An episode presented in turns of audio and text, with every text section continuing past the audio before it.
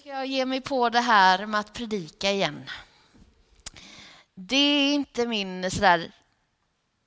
Ja, men jag känner kanske inte att det här jag liksom... Wow, vad jag tycker att det här är jätteroligt. Men vi kör! För jag... jag eh, när vi satt och planerade så var det så här, ja men vem tar domsöndagen? Eh, och det blev väldigt tyst. För texterna idag är ju minst sagt svåra. Eh, men så råkade jag kläcka ur mig, men jag älskar ju domsöndagen. Och mina kollegor bara, va? Ja, men för utan domsöndagen så finns det ju ingen nåd, tycker jag. Men när man säger ordet domsöndagen så är det lätt att man hamnar i det här ja, men det svavelosandet, att folk kommer komma till helvetet och hela, ja, men hela det här. Liksom. Men det finns också det diket som jag kan uppleva att, att jag kanske är lite uppvuxen i. att ja, men Du är älskad, det spelar ingen roll vad du gör. Du är älskad. Men då spelar det ju ingen roll att tro på Jesus, eller? Om det inte, om det inte spelar någon roll. Liksom. Så nu skulle jag vilja, som, som start på den här predikan, att ni berättar för grannen vad ni tänker på när ni hör ordet domsöndagen. Vad, vad får du för känsla när ordet domsöndagen kommer? Varsågoda och prata. Jag avbryter er sen. Det här är underbart. Ursäkta att jag stör er, ni som inte har hunnit prata klart. Men det får ni fortsätta göra sen, helt enkelt. Jag ska läsa evangelietexten och den är, den är ganska lång. Så känner man att man eh, somnar till så kanske man vill ställa sig upp eller så vill man sjunka ner i bänken och bara lyssna. Man får göra som man vill. Den kommer upp här också. Tror jag bestämt. Nej, det gjorde den inte. Men det är Matteus kapitel 25, vers 31 till och med 46. När Människosonen kommer i sin härlighet tillsammans med alla sina änglar, då ska han sätta sig på härlighetens tron och alla folk ska samlas inför honom och han ska skilja människorna som hedar skiljer, sin, skiljer fåren från getterna. Han ska ställa fåren till höger om sig och getterna till vänster. Sen ska kungen säga till dem som står till höger. Kom, ni som har fått min faders välsignelse och övertar det rike som har väntat er sedan världens skapelse. Jag var hungrig och ni gav mig att äta. Jag var törstig och ni gav mig att dricka. Jag var hemlös och ni tog hand om mig.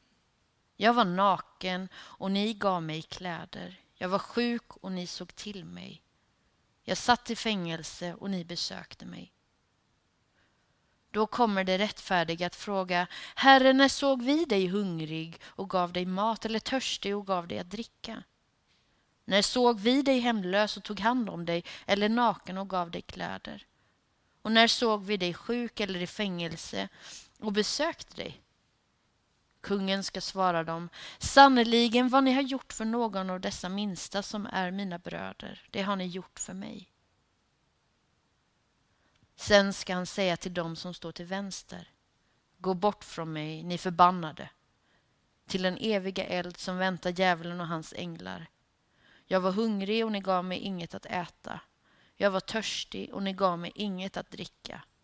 Jag var hemlös och ni tog inte hand om mig.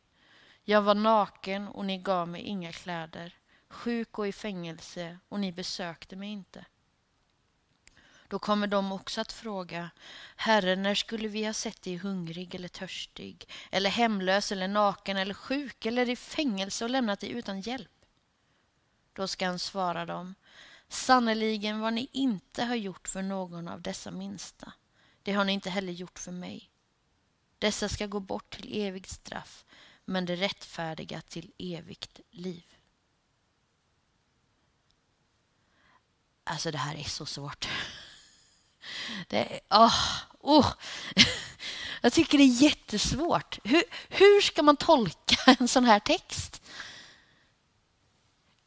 Kommer vissa av oss inte få komma till himlen? Är det det som står? Jag funderar lite ibland sådär. Ja, men jag var tvungen att kolla lite vad är skillnaden på getter och får. För att sådär bara, men... Och den enda skillnaden är att getter behöver fiber när de äter. De är buskätare liksom, medan fåren är örtbladsätare. Annars är de ungefär... Sen har vi använt får mycket mer än getter för att vi använder ull och sånt. Men nej, och det gav mig inte heller direkt mycket svar. Um, och sen så funderade jag på om det kanske är så att, att jag både är ett får och en get i liknelsen. Att det kanske är så att jag att vissa delar av mig är får. Att vissa delar av mig har, har älskat.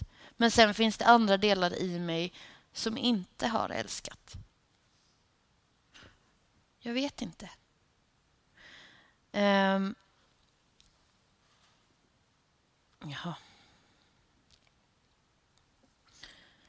Men det jag vet och jag är fantastiskt tacksam över är att det inte är jag som dömer det. Det är inte jag som ska tala om att du, du har levt gott. Eller du har levt gott. Eller du, oj vad mycket fel du har gjort. Du får inte komma in i himlen. Det ligger inte på mig och det ligger inte på dig. Det ligger hos Gud som älskade så mycket så att han skapade hela jorden och alla oss. Och som älskade oss så mycket att han skickade Jesus ner till jorden för att ta våra synder så att vi kan få ha gemenskap, att vi kan få älska tillsammans med Gud. Jesus dog för var och en av oss. Men Jesus har också övervunnit döden för oss.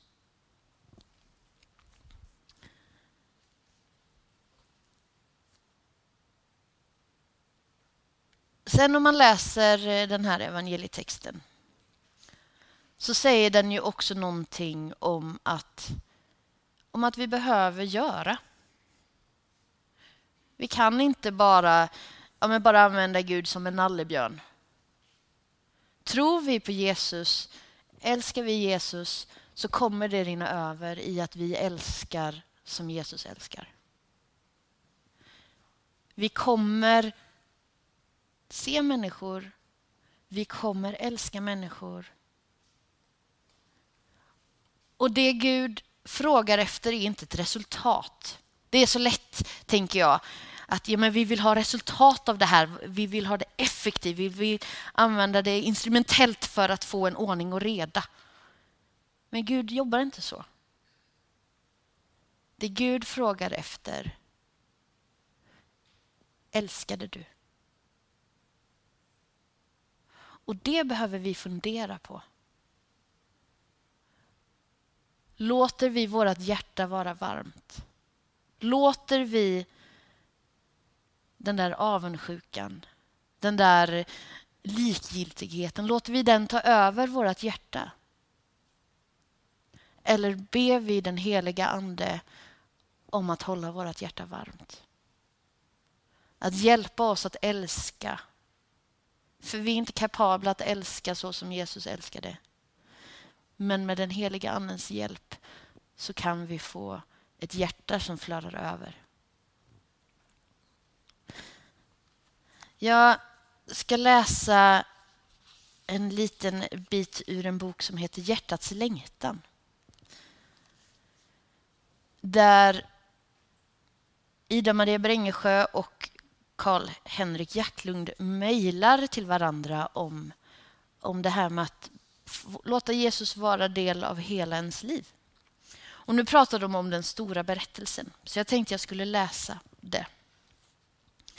Skulle jag sammanfatta den stora berättelsen och på så sätt komplettera din beskrivning så skulle jag säga att Gud skapade vår värld och tänkte att vi skulle ha fullständig harmoni i alla våra relationer. Till Gud, till varandra, till oss själva och till skapelsen. Men harmonin bröts när de första människorna bestämde sig för att i princip säga kan själv. I praktiken utropade de sig själva som mittpunkten i tillvaron. Det är det Gud kallar för synd. Kyrkan har ibland, allt för ofta, mest kommit att tala om moral och etik för att beskriva vad synd är. Men det blir lätt skevt. Det handlar nämligen inte om enstaka saker man gör eller säger utan mer om en grundtillstånd där man inte ger Gud den centrala platsen utan tar den själv. Som svar på frågan vad man ska göra för att vinna ett evigt liv säger därför Jesus Du ska älska Herren din Gud med hela ditt hjärta och med hela din själ och med hela ditt förstånd. Detta är det största och första budet. Sen kommer ett av samma slag. Du ska älska din nästa som dig själv. Create in me a cleaner heart and purify me, purify me. Create in me a cleaner heart so I may worship thee. Cast me not away from thy presence.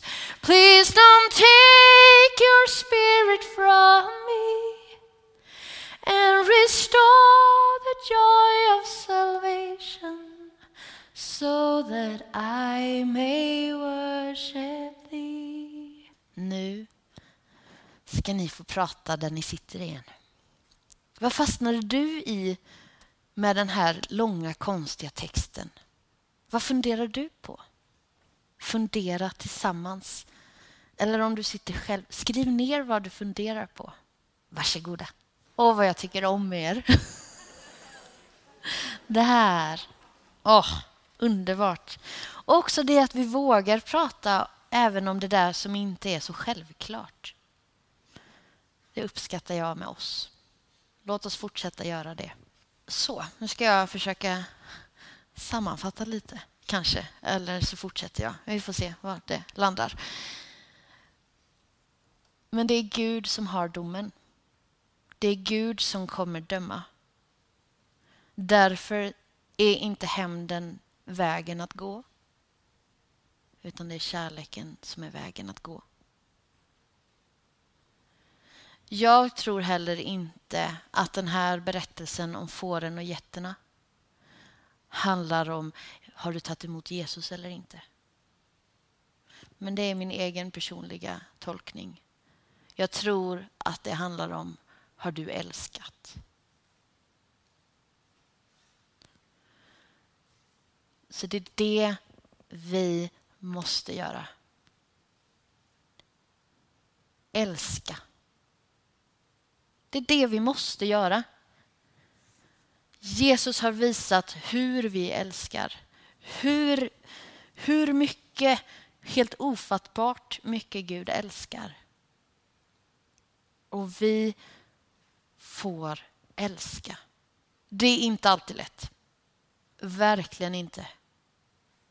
Men det är det vi är satt att göra. Att älska Gud och att älska människor. Och där är även jag inräknad, även du inräknad, att älska sig själv. För det är så lätt att man dömer ut sig själv också. Att vi hamnar i det här med att ja, men nu gjorde jag den här saken och, den, och, nej, och, och så blir man en blöt fläck. Det handlar inte om specifik sak.